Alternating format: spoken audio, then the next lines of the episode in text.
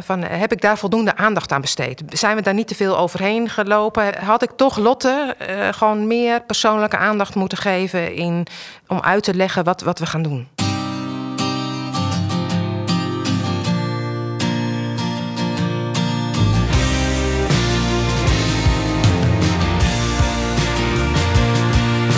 Je luistert naar de podcast Naast Noordwest. Nou, goedemorgen Sylvia. Goedemorgen. Fijn dat je er bent. Ja. Ehm, ja, eh, het belangrijkste natuurlijk even, hoe is het met Lotte? Nou goed, het eh, gaat al een stuk beter eigenlijk. Ja. Menstruatie is wat minder Die is minder, en minder pijn. minder pijn Nou, en dan, ook eh, minder duizelig. nou, dan hebben we toch al heel wat bereikt, toch? Zeker, ja. In deze aflevering komt moeder Sylvia terug bij de arts die haar dochter behandelde. Dochter Lotte is er bewust niet bij, want Sylvia wil graag het hele traject nog eens nabespreken met de dokter. Ze stellen zichzelf even voor. Ik ben eh Joke Buijs. Ik ben gynaecoloog en ik werk hier sinds 2000. En eh, eigenlijk mijn hele leven lang al vind ik het heel belangrijk om jonge dokters op te leiden, co-assistenten, artsassistenten. En eh, vind ik het heel belangrijk dat de communicatie met de patiënten heel goed gaan. Ik ben Sylvia, de moeder van Lotte. Lotte is eh, 22, heeft syndroom van de Down. Lotte woont nog thuis. Eh, ze doet dagbesteding in een eh, bejaardenhuis. Deze ontmoeting gaat over samen beslissen. Maar hoe beslis je samen als je als arts niet weet of een patiënt zich volledig realiseert wat de behandeling inhoudt? En als er intussen twijfels zijn? Juist bij patiënten die minder assertief zijn, minder taalvaardig zijn, is het lastig om erachter te komen wat de klachten of wensen zijn. Zo kwam Sylvia met Lotte op het spreekuur bij gynaecoloog Joke. Voor een behandeling waarvan Joke dacht dat het duidelijk was. Eh, Sylvia en Lotte kwamen bij mij op het spreekuur. En de reden van, eh, dat ze bij mij kwamen was het plaatsen van een, eh, een staafje met hormonen om de menstruaties te verminderen. Eigenlijk werd er toen gezegd van, goh, ja, willen we dan wel dat staafje, maar misschien willen we wel een andere behandeling en dat is het slijmvlies wegbranden van de baarmoeder. En dat is natuurlijk een hele andere behandeling, waardoor ik een beetje op het verkeerde been kwam te staan. Eh, ja, dat klopt. Ik had er wat over gelezen, over dat Novashore. En toen dacht ik van, nou, dat is een eh, ideale behandeling om voor Lotte te doen. Want dan is ze in één keer van die eh, heftige menstruaties af. Maar ik wist niet dat het zo ingrijpend was en dat het niet meer terug te draaien was. Dus inderdaad, Lotte die heeft echt ook last, veel van last van pijn hè, bij de menstruaties. En Zeker. Lotte is denk ik op zich met de hygiëne goed natuurlijk. Maar soms zie je ook wel belicht verstandelijke beperkte meiden dat dat ook wel eens lastig is. En ehm, ja, ik, over het algemeen vind ik het ook altijd heel jammer dat ik denk... eh, menstrueren is eigenlijk een nutteloze bezigheid. Hè? Dus hoe kunnen we nou eigenlijk zorgen dat voor die meiden die er ook nog weer veel last van hebben... dat we dat zo goed mogelijk behandelen? Ehm, ja. en dan is dat eh, eh, het, het wegbranden van de baarmoeder is natuurlijk zonder hormonen. Want volgens mij was dat heel, bela- heel belangrijk, hè? dat er geen hormonen. Ja, ik vind eh, hormonen slikken, en zeker als dat een langere tijd gebeurt, dat vind ik eigenlijk niet gezond.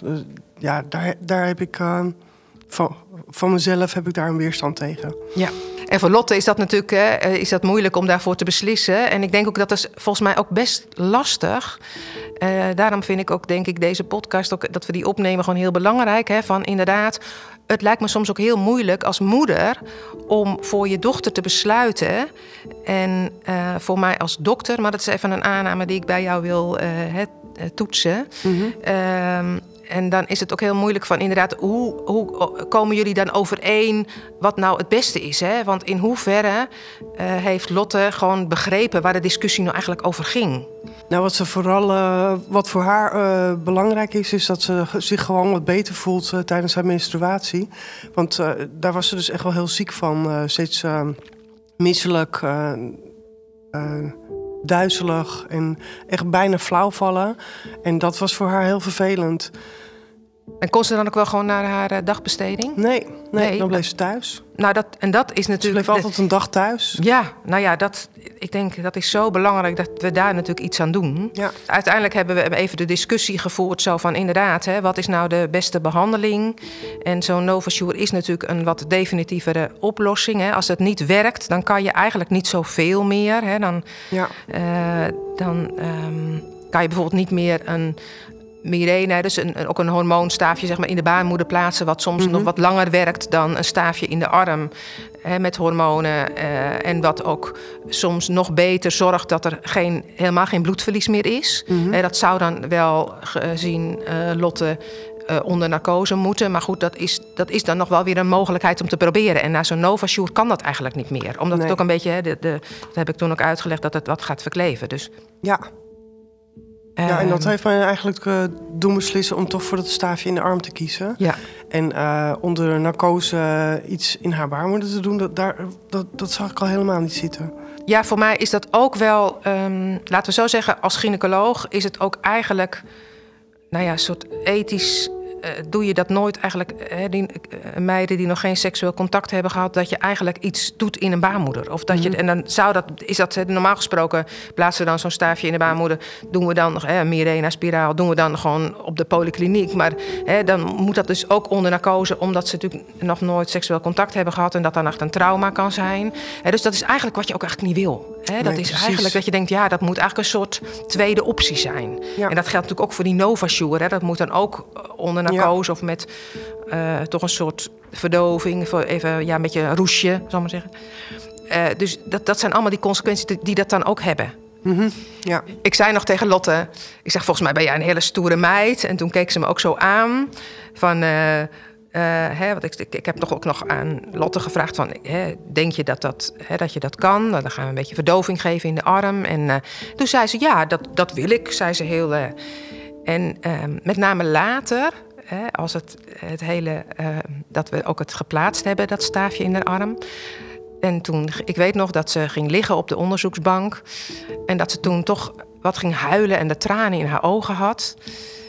En eh, dat ik dacht, oh, heb ik inderdaad voldoende aan Lotte eh, uitgelegd wat we gaan doen? En ehm, had, ik, had ik daar iets anders in kunnen doen? En ehm, ja, dat, dat, vond ik, dat vond ik echt een, een. Daar heb ik echt wel mee gezeten. Dat vond ik echt gewoon, eh, ja. van, heb ik daar voldoende aandacht aan besteed? Zijn we daar niet te veel overheen gelopen? Heb ik met moeder min of meer zaken gedaan? Eh, dat ik, dat ik, had ik toch Lotte eh, gewoon meer persoonlijke aandacht moeten geven in inderdaad om uit te leggen wat, wat we gaan doen. Ja, ik had het bij Lotte wel eh, verwacht. Want op het moment dat eh, iets echt gebeurt, dan reageert ze daar toch altijd eh, op deze manier op. Dat ze, ja. ehm, daar kan je toch niet echt helemaal goed op voorbereiden. Want zij heeft daar een heel andere voorstelling van, denk ik. Ja, en dat maakt het natuurlijk eigenlijk dit ook voor ons als gynaecologen best lastig. Ik vind dat toch altijd ehm, ja, een moeilijke stap. Omdat in wezen, eh, natuurlijk mm, eh, bespreek je het zo goed mogelijk met moeder... die altijd als het ware ook wel haar, voor haar instaat en voor haar het beste zal willen. Hè. Dat is, de, hè, maar dat, dat, het Ja. toch, dat je ook nog eigenlijk iemand anders hebt. En, eh, en dan soms heb ik ook wel het gevoel dat ik denk, ja, als gynaecoloog ben ik wel helemaal goed opgeleid en is een arts verstandelijk eh, gehandicapt, hè, die er tegenwoordig wel ook steeds meer komen. Ehm, zouden we daar ook soms niet meer gebruik van moeten maken om eh, te vragen om misschien hè, op het niveau waarin Lotte het misschien wel goed eh, ja, zou kunnen begrijpen. Hè, om, dat, om de, toch die kans ook nog te nemen. Hè. Maar goed, dat is ook soms een vraag die ik heb, omdat ik wel meer ehm, verstandelijk beperkte meiden zie waarvan ik, ik denk dat ja, je als moeder. eh, ik heb natuurlijk best wel een lang traject gehad eh, om, om dit te besluiten uiteindelijk. En ik denk dat je als moeder ehm, meer dan dat medium tussen zo'n arts, eh, een, reguliere arts en, en, en je dochter bent. Want om, om, om dingen goed uit te leggen van Ja. waarom doen we dit. En, voor in, in haar geval dus met dat vele duizeligheid en dat niet lekker zijn. En Ja. dan ook een paar dagen dagbesteding missen. Ehm, was dat eigenlijk de, de reden om eh, hiertoe te besluiten? Ja, ja, dus daar, daar mag ik gewoon van uitgaan. Dat is wel goed voor mij om te weten, hè? want het is soms zo, ja. Ah, dokter Joker staat duidelijk open voor feedback. Mooi. En ze wil nog veel meer weten.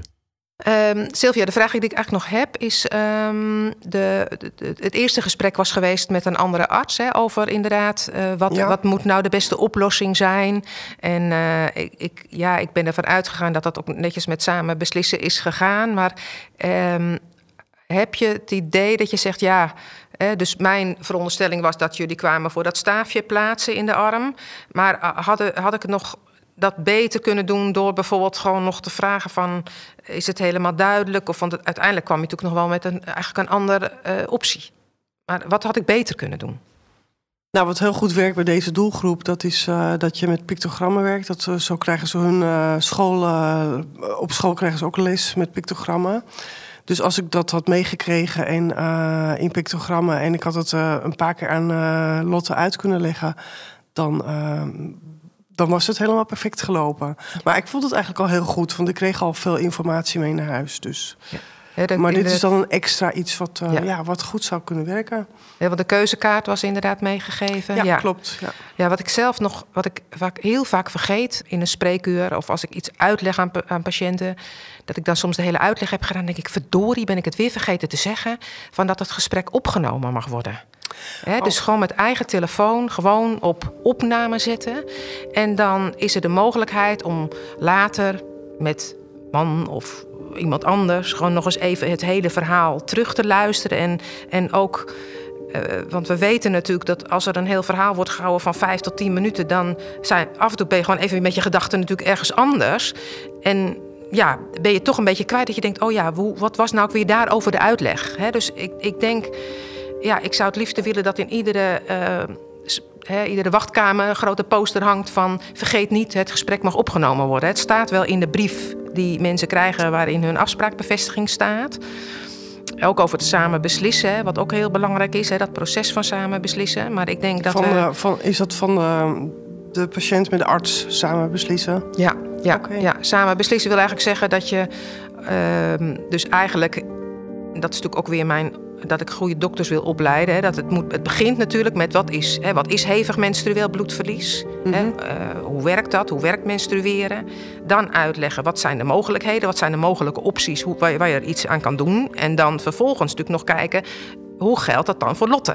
Hè, want Lotte is natuurlijk niet een 22-jarige die uh, he, geen verstandelijke beperking heeft en misschien wel een vriendje heeft en ook iets voor anticonceptie wil. Mm -hmm. Dus dat is een hele nee. andere. He, dus daar, daarmee is natuurlijk de mogelijkheden zijn dan heel anders. Ja. Um, en ik denk dat uh, ja, dat uitleggen is ook natuurlijk een vak apart.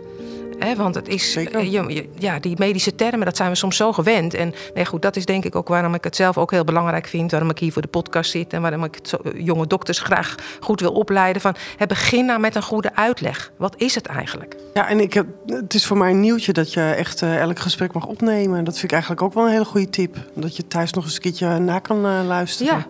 Ja, en het hoeft niet. Hè. Het kan ook gewoon zijn dat je denkt, nou, ik wist het, want ik vond het allemaal prima. Maar de mogelijkheid is er. Maar geldt dit dan alleen voor geestelijk beperkten? Of komt het veel vaker voor dat patiënten de uitleg van de dokter niet kunnen volgen? Uh, nou, wat ik denk ik ook nog wat belangrijk vind om te zeggen, is dat het soms ook heel erg moeilijk is om te weten. Um, uh, of iemand die tegenover je zit, of die, wat het opleidingsniveau is. Hè? Want dat kan, soms kan je daar namelijk enorm in vergissen. Hè? Dan, doe je, dan leg je iets uit en dan krijg je een vraag terug en dat je denkt oké, okay, we zaten dus niet op één golflengte. Mm -hmm. En dat is eigenlijk zo moeilijk. En je vindt het soms ook wel moeilijk om als iemand net in de spreekkamer binnen zit van... goh, wat, welke opleiding hebt u genoten? Hè? Of bent u, uh, kan u lezen, schrijven? Of hebt u, hebt u zich uh, voorbereid? Dus dat is soms, ja, dat kan soms zo'n vraag zijn die je gewoon lastig vindt om te stellen. Terwijl het natuurlijk heel belangrijk is om de uitleg die je geeft... gewoon wel daaraan aan te passen. En ook misschien uh, nou ja, zoals met die pictogrammen, hè, dat, dat is eigenlijk had dat gewoon heel mooi geweest, omdat ja, toch uh, ook paraat te hebben en te denken: oké, we moeten dus onze informatievoorziening moeten we veel meer ook en dat is ook nog wel echt een doel wat ik wil bereiken, is veel meer filmpjes. Hè? Als je zelf iets wil opzoeken over hoe iets werkt, dan kijken we ook uh, hè, even op Google en we zoeken ja. op YouTube en we zoeken een filmpje op. En dan gaan we niet de hele bijsluiter lezen. Nee. En... maar je wil. Dus, dus ik denk dat we ook daarheen moeten, dat we gewoon de uitleg gewoon allemaal in filmpjes moeten doen en met beeld. Ja. Ja, en die pictogrammen kunnen ook werken voor mensen die misschien de taal niet helemaal goed beheersen. Zeker. Of, uh, die, en die filmpjes kun je ondertitelen. Ja, ja. Ja. ja. Nou, ik denk dat Zo er nog goed. veel werk te doen is, inderdaad. Ja. En tot zover deze aflevering. Het helpt ons als je deze podcast goed waardeert en vooral aanraadt bij anderen.